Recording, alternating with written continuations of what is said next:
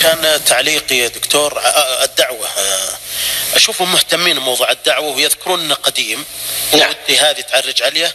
وما دور يعني المواضيع اللي قالوا عن الهزازين والعرافة وبني مرة. وش كان دورهم بالمعركة ذي كلها يعني بني مرة نسمع أنه هل هم قسمين ناس معهم ناس هنا ولا؟ وكذلك موضوع العرافة وبالنادر والأشياء ذي. نعم. ما يتعلق بالسلفية فعلا. القطريين هم أقرب دول الخليج إلى السلفية. والشيخ جاسم رحمه الله وهو المؤسس الشيخ جاسم محمد بن ثاني مهتم بالدعوة السلفية. الشيخ جاسم تولى بعد وفاة أبيه في نهاية القرن الثالث عشر حتى عام 31 وهو متقدم في السن ويبالغون ويقولون بأن عمره 115 وكذا الله أعلم بذلك يبدو أنه في حدود المئة كان عمره. لكن كان مؤمن بمبادئ الدعوة السلفية وله أوقاف عديدة في نجد بالذات في الرياض له أوقاف كثيرة. وعموما القطريين مهتمون بالدعوة الإصلاحية. وهم أبعد الناس أيضا عما يتعلق بالبدع وهكذا وبنوا المسجد المسمى بمسجد الشيخ محمد بن عبد الوهاب. أما ما يتعلق بالهزاز انتشرت إليها حتى في السؤال الأول ما يتعلق بالرسالة اللي بينهم لعلكم تسمعون نصها حتى لا أغير فيه. الشيخ جاسم ما يتعلق بالهزازنة هؤلاء معارضين. سجنهم الملك عبد العزيز. وطلب الشيخ جاسم الشفاعة فيهم. ولم يوافق الملك عبد العزيز. فاشتراهم بقيمة أربعين ألف ربية.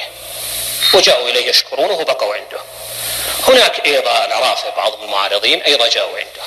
فالملك عبد العزيز رحمه الله مع أنه يتصف بالحكمة لكن أحيانا يعني ما يفقد الإنسان صوابه في بعض الأشياء ويعتقد بأن القوة ربما هي التي تفيد. فكتب إلى الشيخ جاسم كتاب قاسي يطلب منه إخراج هؤلاء الموجودين عنده لأنهم أعداء له. مما جاء في رسالته قول ابن عبد العزيز بن عبد الرحمن الفيصل إلى جناب المكرم الشيخ قاسم بن محمد السلام عليكم ورحمة الله وبركاته. وبعد تعرف أنك سبنت عدواني وجمعتهم عندك فهذا فهذا العرافة عندك وهو يدور على راسي. وهذا عبد الله بن نادر وأنت تعلم وش افعاله مع عيال سعود يعني المؤيد لعيال سعود. والهزازين عندك ولا يجهلك ما أجروه معنا. فإذا وصلك كتابي هذا ترخص لهم. ويرحلون عنك ولا يجلسون أكثر من ثلاثة أيام بعد وصولي إليك.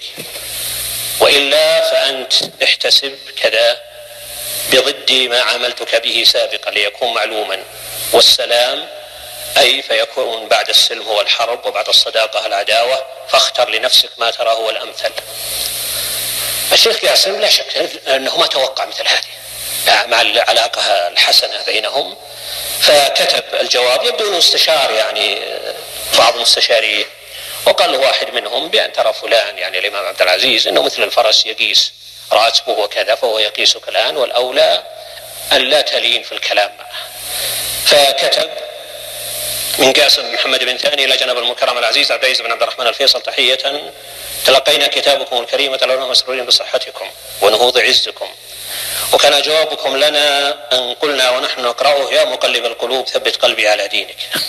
وأما الجواب المودع ببطن الصفحات فإليك نص خطابك فقد ذكرت لنا في كتابك أننا نطرد هؤلاء فلان وفلان.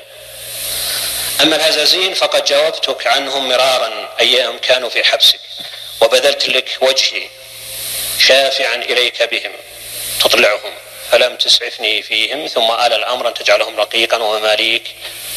عندك واشتريتهم أنا بدراهم معدودة فاشتريتهم منك بأربعين ألف ربية. دفعتها إليك وخلصتهم من حبسك ومن رقك ودخلوا عندي وكذا ولا فخر في ذلك. وأما فهد بن سعد السعود وعبد الله بن نادر فهم ضيوف عندي مكرمين ومعاملتي للضيف أحمله على رأسي وإن نزل من رأسي فعلى أكتافي إلى أن تحين الفرصة لمغادرتهم رغبة منهم. ثم قال في الأخير معاذ الله أن يتحدث العرب عن قاسم بن ثاني أنه يطرد ضيوفه. أما هذا الكتاب الذي أتاني منك تهددني فيه فهو خير جزائي منك حينما أتاني والدك عبد الرحمن الفيصل ومعه حرمه وعياله فأخرجت حريم آل ثاني من غرفهن وصناديقهن وملابسهن وأصباغهن وأنزلت حريمكم مكانهم فكانوا جميعا من ضيافتي. وهم في كل يوم عندي عيد يتجدد. حتى استكملوا عندي ثلاث سنوات. فرغبوا في الرحيل إلى الكويت فما وسعني أن أمنعهم فتركتهم وحريتهم. فأنتم تعلمون بأن عبد الرحمن الفيصل عندما أخرج أهله من نجد في عام ثمان اتجه إلى قطر. وبقي فيها في الشيخ ياسر يقول عندما كنتم أنتم موجودين أكرمتكم بهذا الإكرام حتى رغبتم أنتم في الخروج. وفعلا خرجوا إلى الكويت في أوائل عام 11 لا هجري.